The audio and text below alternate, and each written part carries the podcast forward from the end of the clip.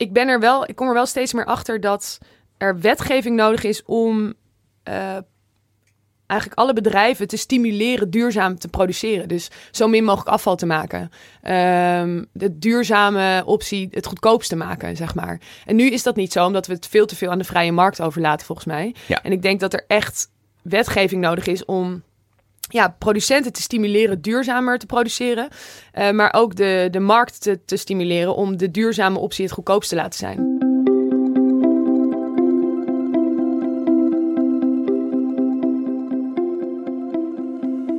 Dit is Het Groene Hart, de podcast van Growthinkers, waarin we op zoek gaan naar het groene hart van onze gasten. Voordat we beginnen met het interview met Anna Gimbrère, wil ik je voorstellen aan onze sponsor van dit seizoen, Treedom. Treedom plant bomen in 17 landen over de hele wereld.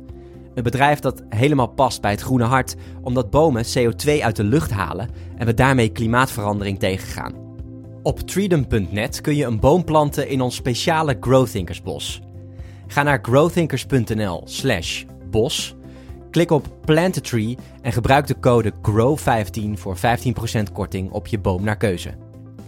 Laten we kijken hoeveel bomen we dit seizoen kunnen planten met deze podcast. En dan nu naar het interview. Voor me zit Anna Gimbrère, geboren in 1986, presentatrice, wetenschapsjournalist en communicator en science-loving showpony, zoals je jezelf noemt. Wat grappig. Anna, welkom. Uh, we hebben elkaar 2,5 jaar geleden ontmoet na uh, de screening van een documentaire van Chanel Trapman, The Positive Chain of Change, over de vervuilende kledingindustrie. En daar hebben we toen aan de bar nog even wat nagepraat. Ik weet nog dat we toen vooral hadden over duurzame keuzes maken en uh, hoe je je daarin ook verhoudt tot je omgeving. Nou, onlangs maakte hij zelf overigens ook een aflevering over de kledingindustrie, uh, genaamd de Kledingafvalberg voor het programma Pointer. Ook een aanrader om die nog terug te gaan kijken uh, op uitzending gemist. En ja, als jij over een onderwerp vertelt, dan is dat altijd vol passie en gedrevenheid. Super mooi om naar te luisteren en te zien. En die passie heb je vooral voor wetenschap, maar die is er dus ook voor duurzaamheid. Weten wij. En als je kijkt, uh, ja, dat is eigenlijk de eerste vraag die ik voor je heb. Als je nu kijkt naar 2,5 jaar geleden, toen we daar zaten uh, aan de bar bij het QO-hotel, dat trouwens nu failliet is ook gegaan. Oh, mede echt? door de coronacrisis. Ja. Oh, wat zonde. ja, echt heel zonde. Shit. Um, dus dat is er niet meer. Um, maar als we nu kijken naar die 2,5 jaar geleden en dan naar nu, is duurzaamheid en het klimaat dan de afgelopen jaren belangrijker voor je geworden? Uh, goeie vraag. Um, ik denk dat ik het wat meer ben gaan uitdragen of zo. Ik denk dat het voor mij uh, intrinsiek niet belangrijker is dan het toen was. Mm -hmm. uh, alleen dat ik nu ik merk dat mensen me, ook de media, me wat meer gevonden hebben op dit onderwerp. En dan word je al snel een beetje een uithangbord gemaakt. Dus als je ergens voor gaat staan uh, op tv of zo. Als, als je het één keer hebt gedaan, dan weten daarna al die redacteuren je te vinden. Dan zit je in een bakje met, oh, deze, deze meid uh, heeft iets met duurzaamheid. Mm -hmm. Dus ja. ik voel wel dat ik steeds meer naar voren word geschoven. En dat ik het dus steeds ga, vaker ga vertellen. Maar daardoor ga ik me er ook nog beter in verdiepen. En word ik wel ook gaat mijn vuur ook nog net iets meer branden, zeg maar, merk ik wel. En als, je, als we kijken naar, jou, naar jouw groene, persoonlijke groene hart, hoe is dat een beetje ont, hoe is dat ontstaan? Um, ja, dat is een grappige vraag. Ik, ik, ik denk dat het begint met een soort, uh, dat het is begonnen, dat met, je wordt volgens mij gewoon geboren of niet met een liefde voor de natuur en een soort verwondering over de natuur. Mhm. Mm -hmm. En ik heb echt al, me, al zo, zo, ja, zolang als ik me kan heugen, uh, dat ik gewoon heel veel liefde voor dieren voel of zo. Dat ik alles wat, wat haar heeft of wat loopt wil aaien. En dat zo beschrijft mijn moeder mij ook van vroeger. Uh, maar ook, ik ging vroeger, nu klink ik echt als een idioot, maar ik ging dus vroeger ook als er dan vliegen in het huis gevangen zaten, dan ging ik die naar buiten helpen, zeg maar. Dus dat ja. deed ik al als klein kind. Mhm. Mm -hmm. Meer dan mijn broertje en zusje bijvoorbeeld. Maar mijn vader um, uh, was ook wel zo dat hij dan uh, ons een beetje bewust maakte van afval. Door bijvoorbeeld te zeggen, je mag geen denoontje, want daar zit te veel plastic omheen. Dus dan leer je als kind al heel vroeg... oh, plastic is dus blijkbaar niet goed of zo. Maar dus mijn vader heeft denk ik wel onbewust... althans bewust zaadjes in ons ge hoofd geplant. Van ja, plastic is eigenlijk... moet je niet te veel van maken. Um, en uh, uh, hij ging ook... als we dan bijvoorbeeld in de auto zaten... dan ging hij proberen zo min mogelijk te remmen en dat tegen ons zeggen. Wij vonden dat gewoon hilarisch, omdat we altijd bijna uit de bocht vlogen. Maar hij zei dat het is omdat ik dan benzine bespaar. En hij was altijd heel erg bezig met zo, zijn laag, zo laag mogelijk benzineverbruik en een zo zuinig mogelijke auto en zo. Mhm. En zoveel mogelijk op de fiets doen. Eh, dus dat, dat zijn kleine zaadjes die hij denk ik heel erg heeft geplant. En die bij mij gewoon het hardste groeiden, omdat ik al daar van mezelf mee bezig was. Ja. Ehm, ja, en, en als je dan iets van een beetje geïnteresseerd bent in wetenschap, dan kom je al heel snel bij feiten die eigenlijk eh, in, je in je gezicht slaan met dat het niet zo goed gaat met de wereld of zo. En als je, dat, als je dan al intrinsiek iets hebt van ik wil de natuur behouden of beschermen en je krijgt dan informatie door je studie over dat er dingen niet goed gaan, dan wil je dat automatisch volgens mij oplossen, Hmm. denk ik. Ja. Dus volgens mij is het zo een beetje Dus gegroeid. je vader heeft dat echt eh, heeft Mijn wel vader een grote rol in gespeeld. Ik denk het wel, ja. Ja. En ehm, ik weet dat je, we hebben toen, eh, toen een tijdje nagepraat, ik weet dat je ook nog met een boek bezig bent over, eh, over duurzaamheid. Hoe gaat het daarmee? Nou, eh, het, het schrijft zichzelf niet vanzelf, zou ik maar zeggen. Nee. Nee, nee, ik heb dat toen. en Wat ik dus heel erg doe. mooi zijn. Nou, wat ik dus doe, en dit doe ik op het gebied van duurzaamheid, maar ook met mijn eigen doelen stellen, is dat ik dan dus iets ga roepen. Omdat ik dan weet, dan heb ik een stok achter de deur. Dus ik had toen op een gegeven moment, ik was klaar met een presentatieklus. En toen heb ik tegen iedereen gezegd, ik ga een boek schrijven. Want ik dacht, dan gaan mensen me daaraan houden. Nou, dat doe jij dus nu. Mhm. En dat is dus heel pijnlijk, want ik heb één hoofdstuk geschreven. Oké. Dus het is er nog niet. Maar, Heb je al ehm, een inhoudsopgave van, nou, dit zijn een beetje de thema's die ik wil eh, behandelen? Nou, eigenlijk, ehm, ik heb er wel echt met een uitgever veel over gepraat. En, eh, en ik merk dat, zeg maar, mijn... ik wil dat het lekker leest en vooral een beetje... eh, dat er zelfspot in zit en zo. Dat het gewoon grappig is om te lezen. Dat je niet denkt, oh, deze vrouw gaat mij even vertellen hoe het allemaal zit. Mhm. Maar meer, oh, zij is ook zoekende en het is wel grappig om te lezen. Ja. En onbewust leer ik dingen, zeg maar. Ken, ken je het boek van Marije van der Made, Dit gebeurt er als je duurzaam gaat leven? Oh, nee. Zij heeft een, ook een YouTube-kanaal. We hebben ook ge- geïnterviewd trouwens voor het Groene Hart. En zij beschrijft eigenlijk inderdaad op zo'n zelfspotachtige manier van... nou, dit gebeurt er dan als je duurzamer gaat leven. En dit soort opmerkingen krijg je. En daar geeft ze dan reactie op. Oh, wat leuk. Het is wel heel leuk ook misschien voor Ja. inspiratie om te lezen. Heel goed Ja. idee. Nou, ik heb jouw boek ook gelezen. Dat vond ik ook inspiratie. Dank je. Dank Ja. je. Ja. Oké. Ehm, ja, maar, ik, maar ik, ik, ik worstel nog een beetje met... ga ik het dan echt op duurzaamheid gooien... of ga ik het op gewoon wetenschaps... eh, popularisatie gooien. Ja? Omdat ik er toch nog steeds wel van overtuigd ben... dat als je wetenschap eenmaal een warm hart toedraagt... dat je dan automatisch bij duurzaamheid uitkomt. Ja, En eh, ja, dus daar... Nou, dat, dus, ja, dus dat eerste hoofdstuk zit ook een beetje in between. Dat, je voelt dat ik daar nog niet helemaal eruit ben.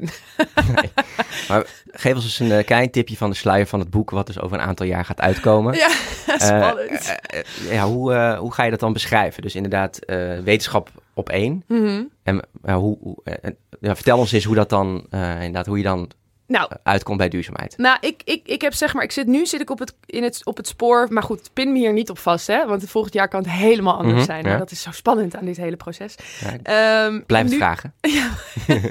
That's the spirit. Ja. Nou, ik heb nu bedacht, ehm, zeg maar bijvoorbeeld tien hoofdstukken. Dus de tien meest fascinerende wetenschappelijke eh, en technologische eh, ontwikkelingen van dit moment. Oké. Nou, en het eerste hoofdstuk ging dan uiteraard over ruimtevaart, want daar Mhm. zit ik het beste in. Ehm, en als je kijkt naar de ontwikkelingen van de ruimtevaart, dan zie je dat die heel erg gingen vanuit een soort macho-politiek bolwerk. eh, mensen die willen bewijzen dat ze de meeste macht hebben en het sterkste zijn. Eh, wat dan per ongeluk eigenlijk leidt tot hele nuttige technologie, die we bijvoorbeeld in het ziekenhuis heel veel gebruiken, zoals de MRI-scanner of de, eh, nou, de kleinste dingen eigenlijk. Eh, maar ook zonnetechnologie is heel erg voortgestuurd door de ruimtevaart. En die ruimtevaart heeft ons, zonder dat we daar per se, dat we dat per se als doel hebben, hadden, heeft dat ons heel erg veel geleerd over de aarde. Dus alle satellieten die nu om de aarde heen zweven, die geven ons heel veel informatie over de gassen die er in de atmosfeer zitten, eh, de hoeveelheid water, eh, de hoeveelheid bomenkap, ehm, CO2, maar ook gewoon, eh, ik zeg maar wat, aerosolen. Dus bijvoorbeeld de ziektekiemen, waar we nu met z'n allen heel erg naar kijken. En ehm, dat we die informatie hebben, dat is echt een, een dat is voortgekomen uit de ruimtevaart. Mhm. Maar dat heeft ons leren kijken naar de aarde. En een van de meest bekende uitspraken van een Apollo 8-astronaut is... die zegt dan, die reisde dan naar de maan. Uh, en die zei van, we gingen naar de maan, maar we vonden de aarde. Omdat we opeens de aarde zo in die grote gapende leegte zagen zweven. En beseften hoe bijzonder dat eigenlijk is. Ja, en het overview effect. het overview effect, ja. En uit die maanmissies is uiteindelijk ook een grote milieubeweging voortgekomen. Omdat mensen zich opeens realiseerden van wow, die aarde is echt een soort groene parel in een ijskoud, kil heelal. Mhm.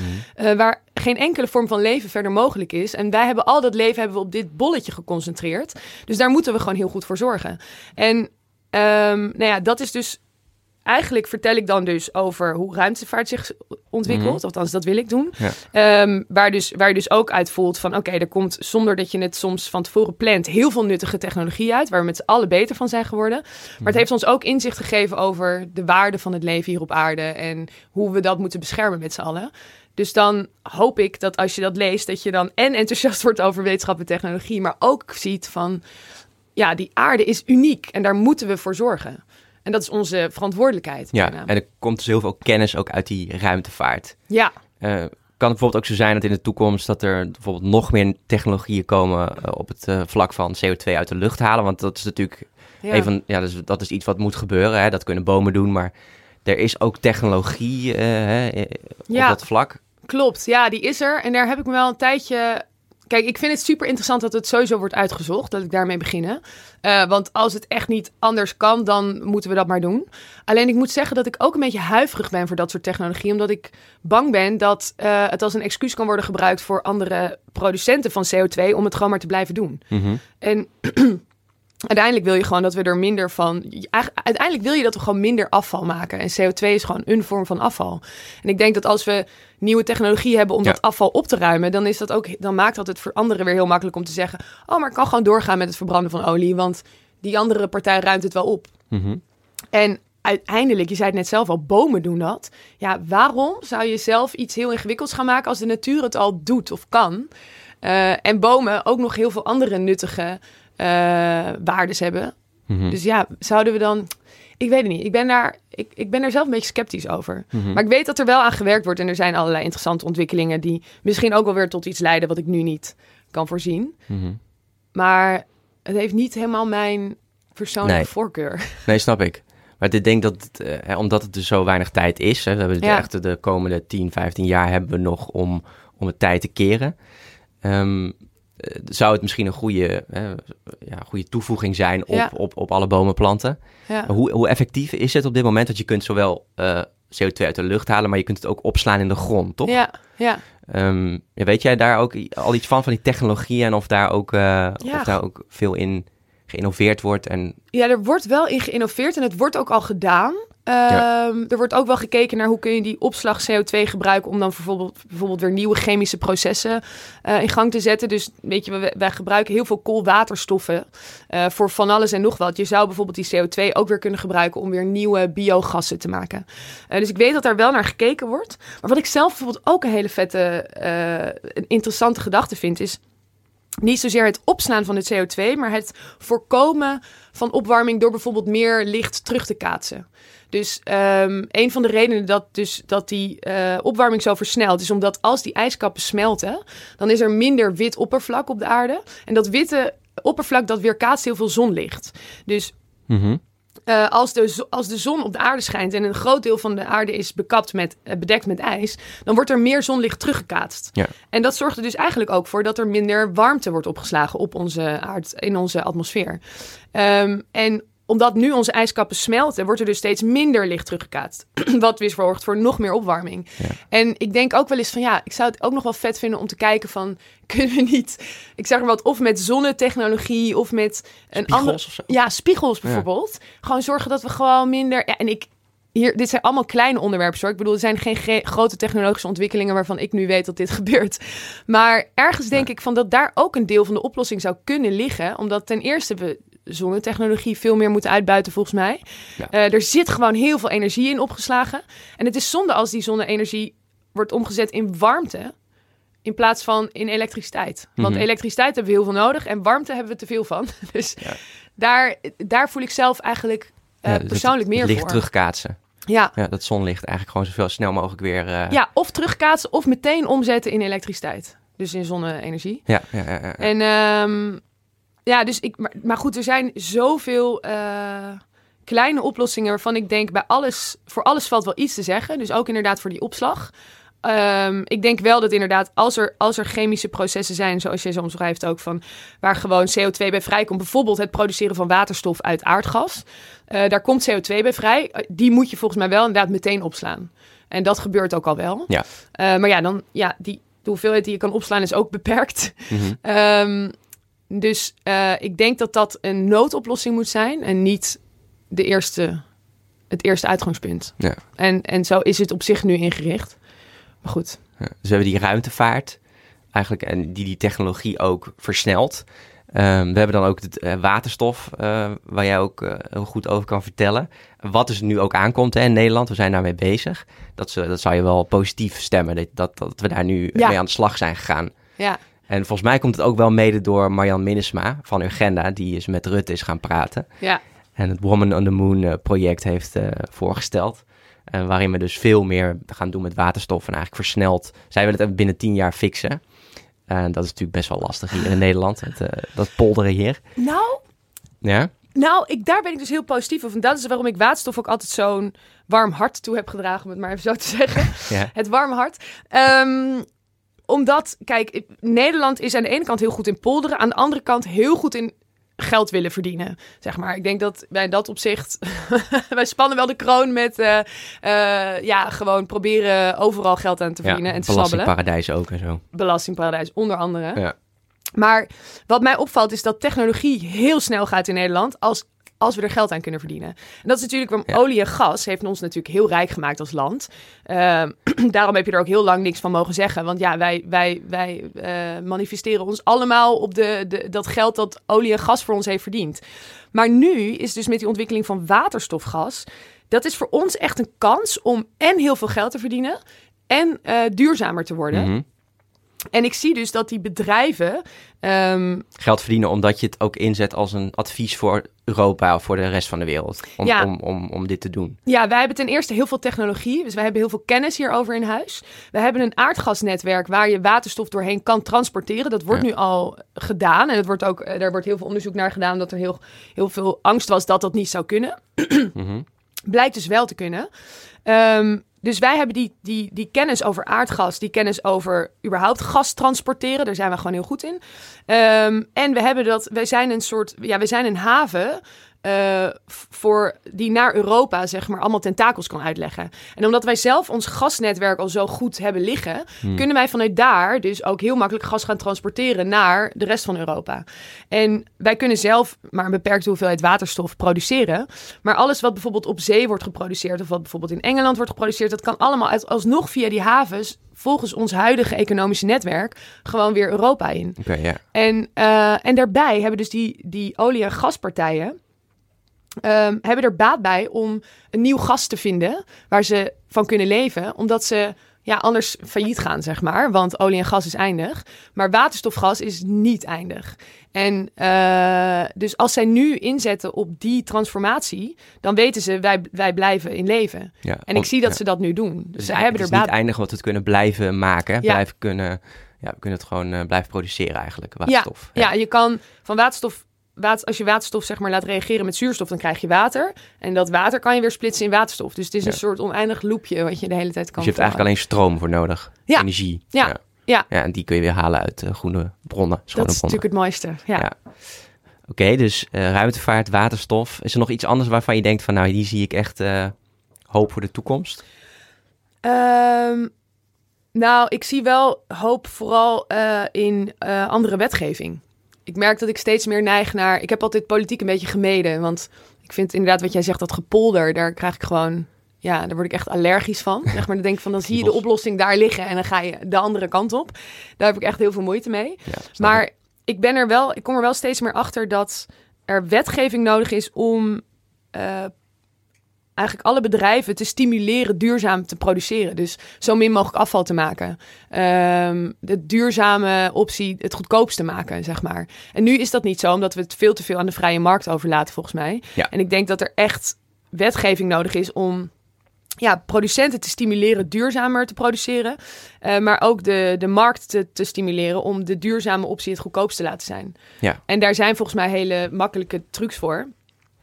Ehm, dus ik neig wel steeds meer naar toch in de politiek wetgeving veranderen eh, en niet alleen maar wachten op nieuwe technologie. Mhm. Want die nieuwe technologie die komt volgens mij pas als de markt eh, er baat bij heeft om duurzamer te worden.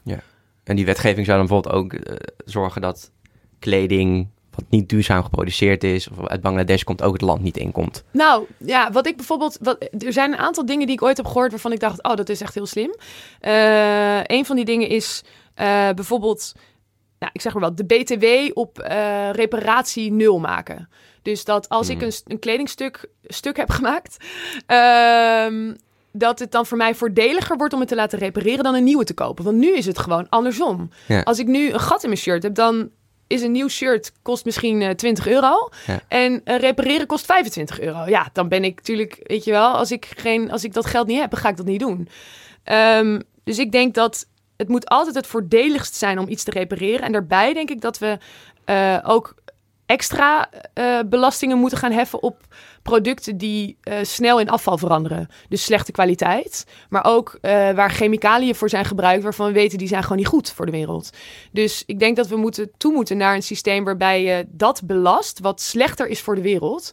Je moet dat belasten Ja. wat de wereld belast. Ja, ja. Laat ik het zo zeggen. Ja. En dan wordt het automatisch voor de consument de makkelijkste keuze. Dan wordt de goedkope keuze wordt ook de duurzame keuze. Ja, dat groente en fruit ook gewoon goedkoper wordt, gezond eten en dat vlees gewoon veel duurder wordt. Ja. Oké, dus eh, de technologie die we uit de ruimtevaart halen, eh, waterstof, eh, wetgeving. Zijn er nog meer dingen waar we op die, we, die hoop geven voor de toekomst? Ehm, nou, wat mij wel hoop geeft voor de toekomst is toch de nieuwe generatie ook. Ja. Ik word daar echt wel gelukkig van als ik zie van... Ja, wij zijn denk ik dezelfde generatie. Ik, Mhm. ik weet niet hoe het bij jou was vroeger, maar ik was op mijn, in mijn klas was ik denk ik de enige die daarmee bezig was. En mijn vriendinnen vonden mij een soort hippie. Ehm, eh, wat ook wel weer grappig was hoor. Ik bedoel, dan eigen je die rol ook wel toe. maar eh, eh, nee, ik, ik, ik voelde me. Ik heb me altijd best wel een beetje eenzaam gevoeld in, die, in dat bewustzijn of zo. Of die, die drang om daar iets mee te doen. En als ik dan kijk hoe, hoe de jeugd van tegenwoordig zich inzet voor klimaat en voor, voor de natuur. En dan denk ik echt, zo zie je wel.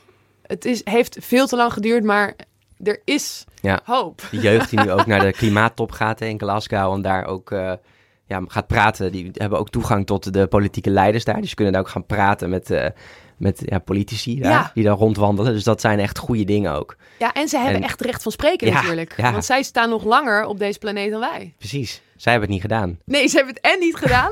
en ze moeten hier langer achterblijven. Dus eh, ja. Oké, dus we hebben nu eigenlijk, ja, dus we hebben die generatie, wetgeving, eh, technologie uit ruimtevaart en waterstof. Dan zijn we er wel, denk ik, of niet? Of zijn er nog meer Ja, dingen? zijn- die... nee, ja, zijn ja. er ja, zijn Er, zijn, er is de, altijd de grotere iets. dingen dan. Ja, nou, ik, ik, ik, begin, ik vind het heel prettig om te zien dat het wat meer mainstream wordt.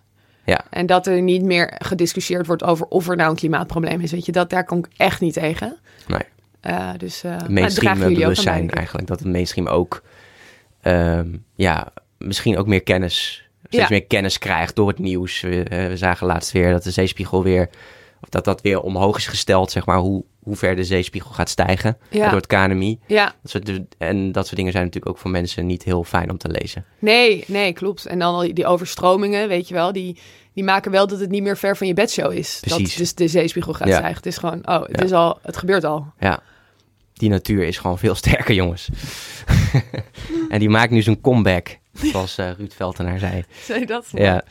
Ehm, Oké. Ik heb nou, dit is een beetje een lastige vraag voor, eh, om meteen op te antwoorden, maar ik ben wel benieuwd naar jouw antwoord. Ehm, we hebben nu die coronacrisis gehad. En daarbij heeft het kabinet vier basisregels. Hè? Dus wassen, afstand, luchten en testen. Maar we hebben ook een klimaatcrisis. Wat zouden jouw vier basisregels zijn? Vier adviezen voor. Oh, Dus jij staat daar op de bühne. eh, als Mark Rutte? in de perscon. Ja. Oké, Wat zou je als Mark Rutte, maar ook als, eh, als Anna? oké. Voordat we gaan luisteren naar het antwoord van Anna, eerst dit. Wat als je een boom kunt planten in een gebied getroffen door de opwarming van de aarde en tegelijkertijd iets positiefs voor het milieu kunt doen? Bij Treedom, het bedrijf dat iedereen in staat stelt om met enkele klikken online een boom te planten, komt elke boom ten goede aan werelddelen die bedreigd worden door klimaatverandering. Zo stelt Treedom mensen in staat om de planeet op de juiste en eenvoudige manier te helpen. Door bomen te planten in gebieden waar de bodem en de biodiversiteit in gevaar zijn. Voor meer informatie over hoe je de planeet groener kunt maken en een bijdrage levert aan een beter milieu, kijk op www.treedom.net.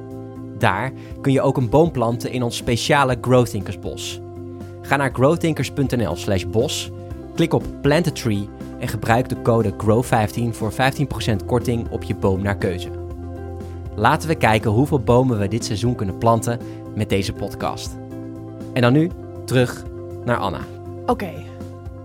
Nou, ik denk stap 1, en dat is gewoon omdat dit mijn religie is, uh, vertrouw op de wetenschap. Dus ja. ja, dat is gewoon, je kan beter een, een wetenschapper proberen te vertrouwen dan een politicus. Dat zeg ik daar dan terwijl ik op die politieke bordes sta. ja. Vertrouw deze mensen allemaal niet. Heel gek is dat Dat eigenlijk. is eigenlijk heel gek, maar Ja. ik ga het gewoon doen en dan lynchen ze me maar. Ja. Ehm, dus vertrouw op de wetenschap. Produceer zo, probeer zo min mogelijk afval te produceren. En afval bedoel ik dan echt in de breedste zin. Dus zowel CO2 als plastic, als kleding. Hmm. Ehm, Mooier. dat gaat eigenlijk voorbij het klimaat alleen. Maar ik denk dus dat, CO, dat ons klimaatprobleem een afvalprobleem is. Namelijk het CO2-afvalprobleem. Dus ja, op afvalgebied, eh, daar komt ook CO2 bij. Dus daar komt dan dus ook gewoon die auto bij. Dat Precies. je daarmee uitstoot. Ja, Ja. ja. En ehm, als je het niet weet, nou, dan kan je dus altijd op de wetenschap vertrouwen. En, eh, en Het is mooi dat je het ook afval noemt, want dat is natuurlijk wel... ehm, ja, dat pakt wel bij mensen. Ja, CO2 is ook afval. Ja, het is... Ja. eh, ja, dat is... Ik denk, ja, dat, ja, dat is wel Ja. goeie, ja. ja, CO2 is gewoon een bijproduct. Het is afval van onze Ja. zucht naar het verbranden van Ja. olie en gas Dus dat, eigenlijk. dat stimuleert ook om elektrisch te gaan rijden bijvoorbeeld. Precies. Ja. Ehm, en, eh, nou, en dit is een beetje een vage tip. Dus het is niet zo concreet als was je handen en eh, houd je, eh, doe je ramen open. Mhm. Maar dat is, vraag je af hoe je over 30 jaar terugkijkt op je eigen handelen nu. eh, wetende dat het klimaatprobleem, zeg maar, uit de hand is gelopen. Dus stel, dat, stel je voor dat de wereld over 30 jaar overstroomt. Of, of dat er allemaal eh, natuurrampen ontstaan. Of, eh, of dat, er, dat, dat we onze gewassen niet meer kunnen verbouwen omdat het klimaat zo veranderd is.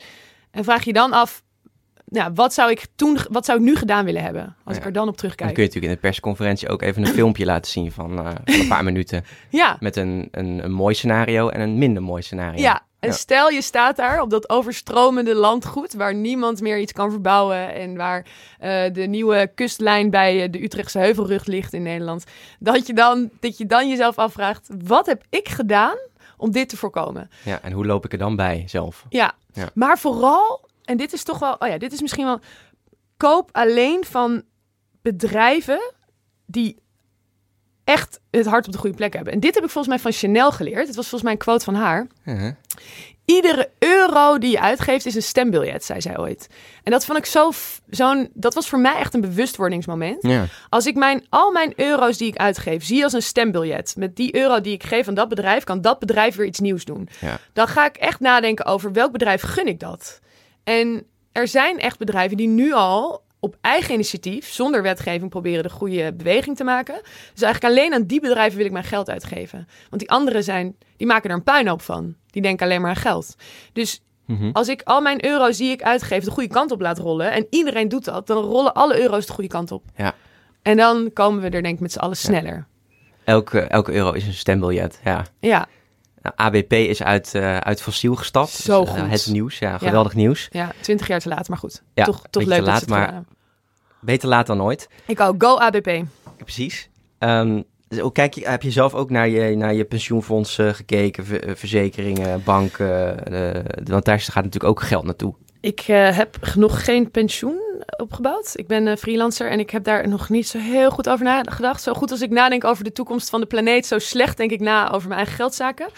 Eh, maar ik, ik zit bij duur, mijn, mijn, ik heb mijn zakelijke rekening bij de ASN en mijn persoonlijke rekening bij de Triodos. Ik dacht, dan spreid ik het nog een beetje. Ja.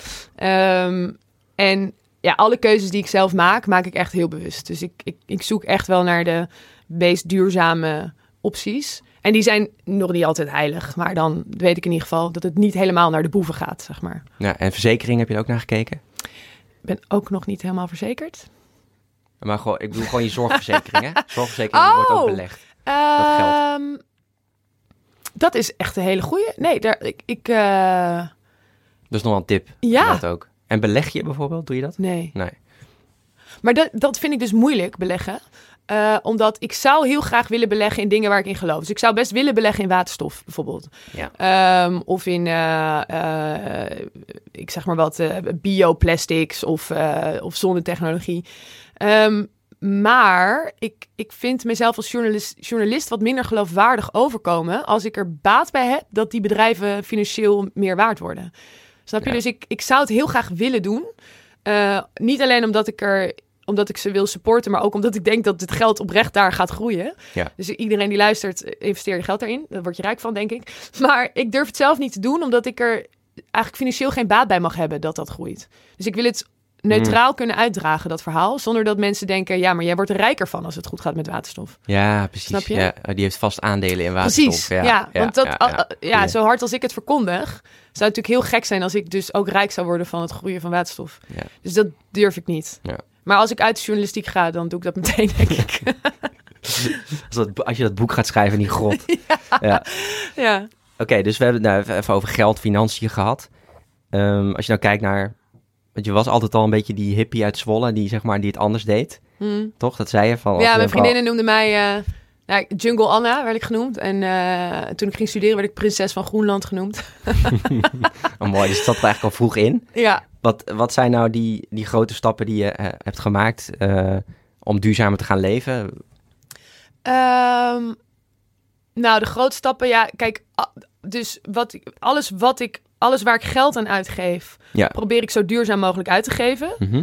Ehm, nou, hoe ouder ik word, hoe meer geld ik ga verdienen en hoe meer geld ik ook uitgeef. Dus dat gaat, heel, goed, dat gaat steeds beter. Ja. Ehm, maar, eh, en ik, ik, ik, ja, ik, nou, ik eet al sinds mijn 18 eigenlijk geen vlees en eh, bijna geen vis. Ik, ik, ik, heb een, ik, ik heb een hele zwakke plek voor calamares, Mhm. gefrituurde inktvis. Wat heel erg is, want ik vind inktvis echt fascinerende beesten. Dus ik wil dat echt niet eten, maar ik Is het zo lekker. het het ja. allerlekkerste wat er is. Dus Mhm. ik wacht op het moment dat de vegetarische slager daar een alternatief voor bedenkt. Oh, ja. Is er helaas nog niet. Er wordt wel Ehm, flink, er wordt flink geïnvesteerd in productontwikkeling. Oh, wat goed. Ja, nu ze bij Unilever zijn, zitten er, zaten er eerst twee mensen op. Nu zitten er 60 mensen op. Oh, zo goed. Elke dag. Dus er wordt veel in geïnvesteerd. Goed. Dat is dan weer het mooie Goed dat het nieuws. nu bij Unilever zit. Ja, klopt. Ja. Ja. Het is ook wel twee keer zo duur geworden. Maar ja, dat, eh, Ja. Hè? Zullen we maar, dat nemen we maar voor lief. Precies. Ehm, Stemmen met je, met je euro's. Ja. Nou goed. Dus ik eet geen vlees en, en eh, nou, bijna geen vis. Eh, Mhm. Vrijwel geen vis. Ehm, Hoe, hoe, eh, hoe verhoudt zich dat tot je, tot je vriendinnengroep bijvoorbeeld? Nou, inmiddels heel goed. Maar vroeger was het een drama. Want ik studeerde in Amsterdam en dan ging je soms met z'n tienen eten. En dan, ja, dan maakten ze natuurlijk pasta bolo. Dus dan had ik pasta met olijfolie. Ja, maar ja, zo, zo heeft mijn jeugd er wel uitgezien. Mijn... mijn ook heel lekker. Ja, is ook Ja, heel lekker. ja. Met knoflook en zoutpeper Ja, ben je precies, eigenlijk al snel, zit al snel goed.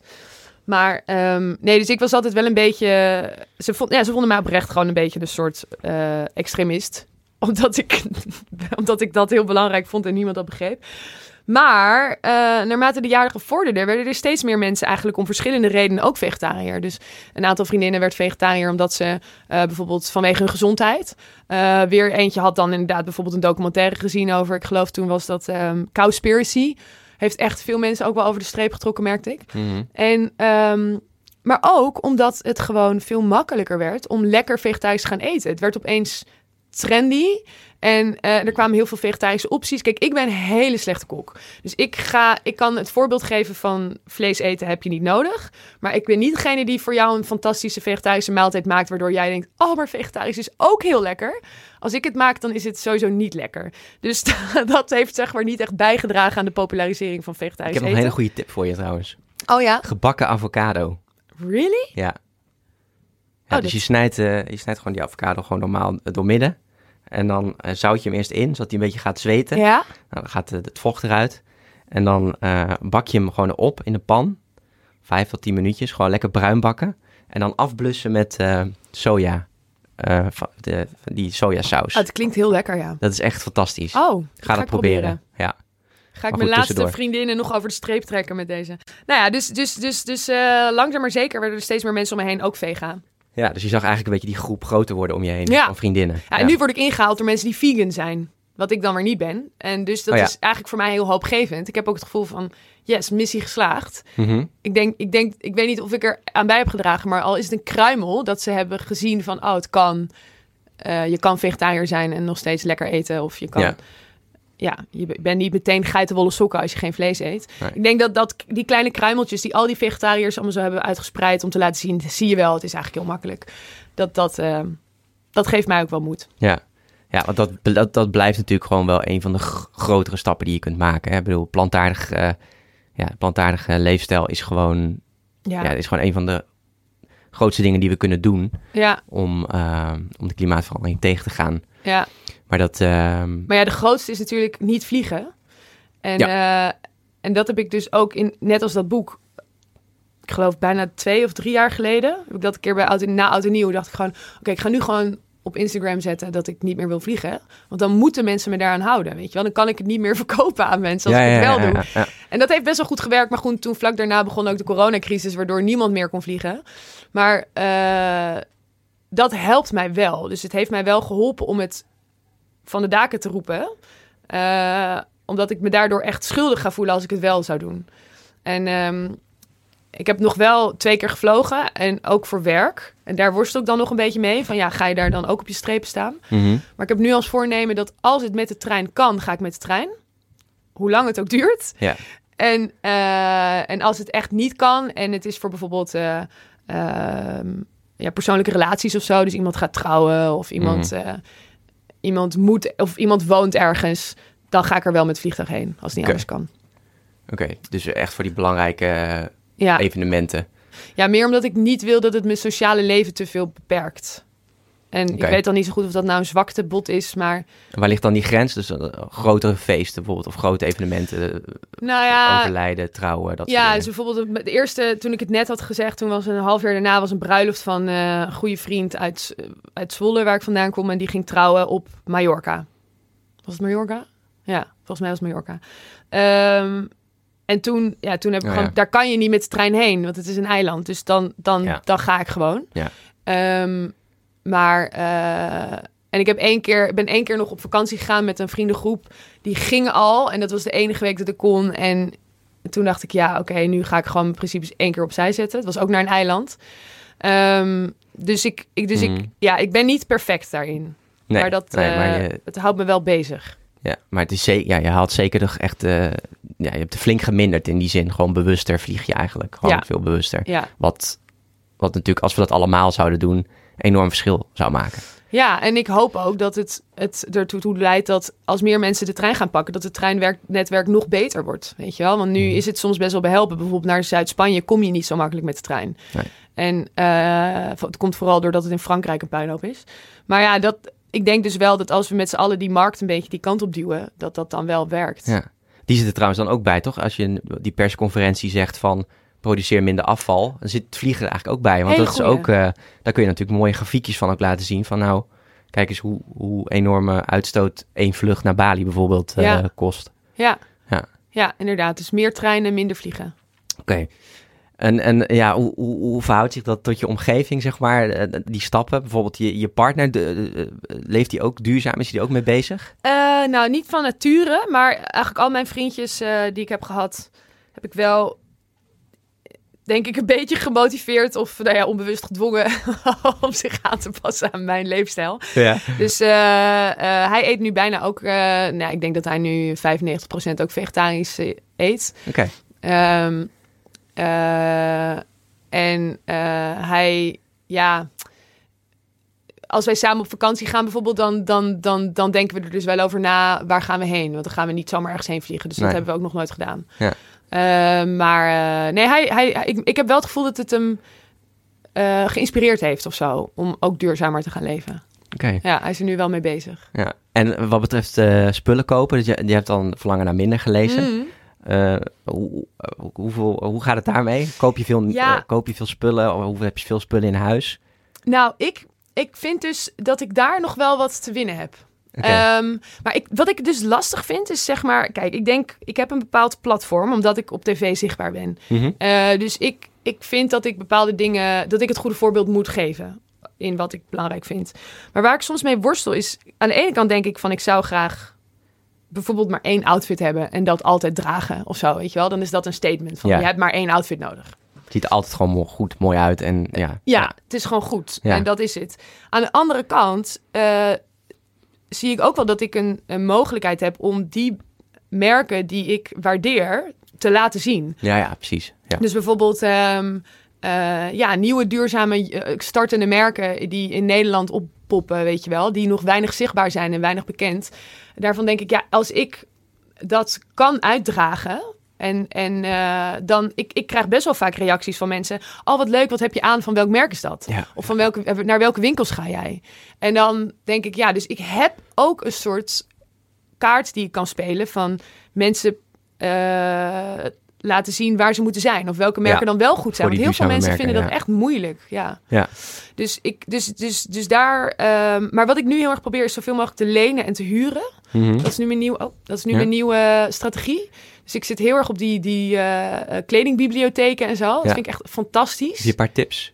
Ja, Lena is echt top. Ja, in Amsterdam. Ehm, ja, ehm, ik heb nu ook iets dat heet de Conscious Collective. Daar heb ik ook wat dingen van geleend en ge- gehuurd. Oké. Ehm, en Litchi is ook nog wel grappig. Oké. Ehm, L-I-C-H, Griekse ei. ah, volgens mij met een T, maar ik moet eerlijk zeggen dat ik het nu even niet weet. Oké. Ehm, zal het wel even, dan mag, kan je het op je andere, Ja, op ja, jouw ja, platform zetten. Ehm, en, eh, maar ja, en, dus, en dus gewoon de merken die, die wel kleding produceren, maar bijvoorbeeld eh, zelf vermaken. Of, Ja. eh, of gewoon echt alleen maar met duurzame stoffen of met overstok. Zeg maar, die merken die, die, ja, die wil ik gewoon heel graag wel laten zien. Mhm. Ehm, en dat, dat gaat steeds beter. Ja. Maar goed, ik vind nog steeds dat ik te veel spullen heb. Ja. En is dat dan vooral kleding of welke categorie heb je te veel, naar, naar je gevoel? Mm, alles, eigenlijk. Ja, ik kan, ik kan echt... eh, nee, ik had echt... Ik, ik las jouw boek en toen dacht ik wel echt van... Oeh, hoeveel spullen zou ik eigenlijk hebben, weet je wel? Hoeveel... Ik heb geen idee. Ik denk... eh, ja, boeken... ik Zeg maar wat... Pennen of kleine bakjes. Ik heb een beetje... Ik hou heel erg van kleine bakjes. Eh, en, en, en keramieke bakjes en zo. Dingen waar ik kleine frummels in kan stoppen. Maar dan bewaar ik dus ook al die frummels. die ik dan er misschien één Ja. keer in de drie jaar een keer uithaal. En me afvraag, waarom had ik dit ook alweer? En het dan toch bewaar. Omdat dan ik dan weggooien of zo ook moeilijk vind. Ja. Soms zo gek dat je denkt, waar komt dit überhaupt vandaan? Hoe komt dit in dat bakje? Ja. Ja. Hoe komt het in mijn leven? Hoe komt deze prelaria in mijn leven? ja. Ja, En waarom doe je het dan niet weg? Ja, goeie vraag, omdat ik dan... Ja, ik, ik denk dat er diep in mij een hoorder verborgen zit. Die zeg Ja. maar... Ik, ik kan mezelf we ook... allemaal, denk ik, als mens. Ja, we zijn wel een beetje gewired om Ja. te verzamelen. En, eh, ja. Ja, ik denk dat ik echt wel een verzamelaar ben. Ik hou ook van rommelmarkten en van dingen waar eh, gek... Zeg maar, ik, ik, ik denk altijd heel erg van... Oh, ooit dan ga ik nog mijn eigen tafel maken... en dan heb ik dit moertje nodig. Ja. Terwijl natuurlijk in de praktijk ik ten eerste niet mijn eigen tafel ga maken. Nee. En ten tweede dat moertje dan nooit meer kan vinden. Hypothetische toekomst. Ja, een hypothetische toekomst waarin ik hypothetische talenten heb en een hypothetisch doorzettingsvermogen. En dan toevallig dat moertje nodig heb en dan denk, oh die lag in dat specifieke bakje. Ja. En dan komt mijn schoonmoeder altijd met de bekende tekst. Wie wat bewaart, heeft wat. Nou, ja, zo is het. Ja. Ja, maar het is echt toch blij bent van, ik heb het toch bewaard. Ja. Ja. In principe en- is daar, eh, in principe kun je dat natuurlijk altijd, we hebben natuurlijk, we leven in die consumentis, eh, consumentie, consu, Consumptie. consumptiemaatschappij, ja. Moeilijk woord. Ehm, eh, dus je kunt het altijd weer, natuurlijk weer halen als je het nodig hebt. Ja, en dat is heel irritant, want ik woon dus ook naast een praxis. Nou ja, ja dan is het heel verleidelijk hoor, om even een nieuw moertje te gaan kopen. Terwijl je dat Ja. oude moertje acht jaar bewaart. Ja. Dus het zijn prularia en kleding en boeken.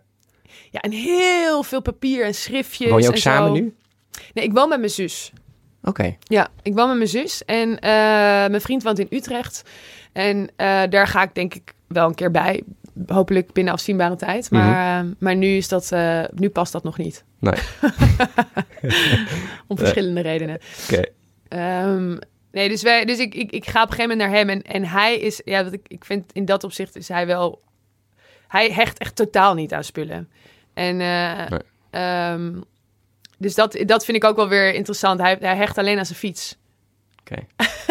en dat vind ik heel schattig. Minimalist in de dop. Ja, Ja. ja. nee, echt een minimalist. En, eh, en, en eh, dus ik denk dat alles om hem heen kan in principe in de fik vliegen als hij zijn fiets maar heeft, zeg maar. Ja. En eh, eh, dus dat is ook heel fijn. En, ehm, maar ik denk wel als wij samen iets op gaan bouwen in een huis, dan, dan zou ik daar heel bewust over nadenken van wat zet ik hier wel en niet neer. Voelt een beetje gek, maar dan op een of om een of andere reden met een schone lijn lijkt dat makkelijker. Of Ja. zo, weet je wel? Dan kan je from scratch beginnen met oké, wat zet ik hier heel bewust neer? Dus het klinkt ook heel lekker, hè?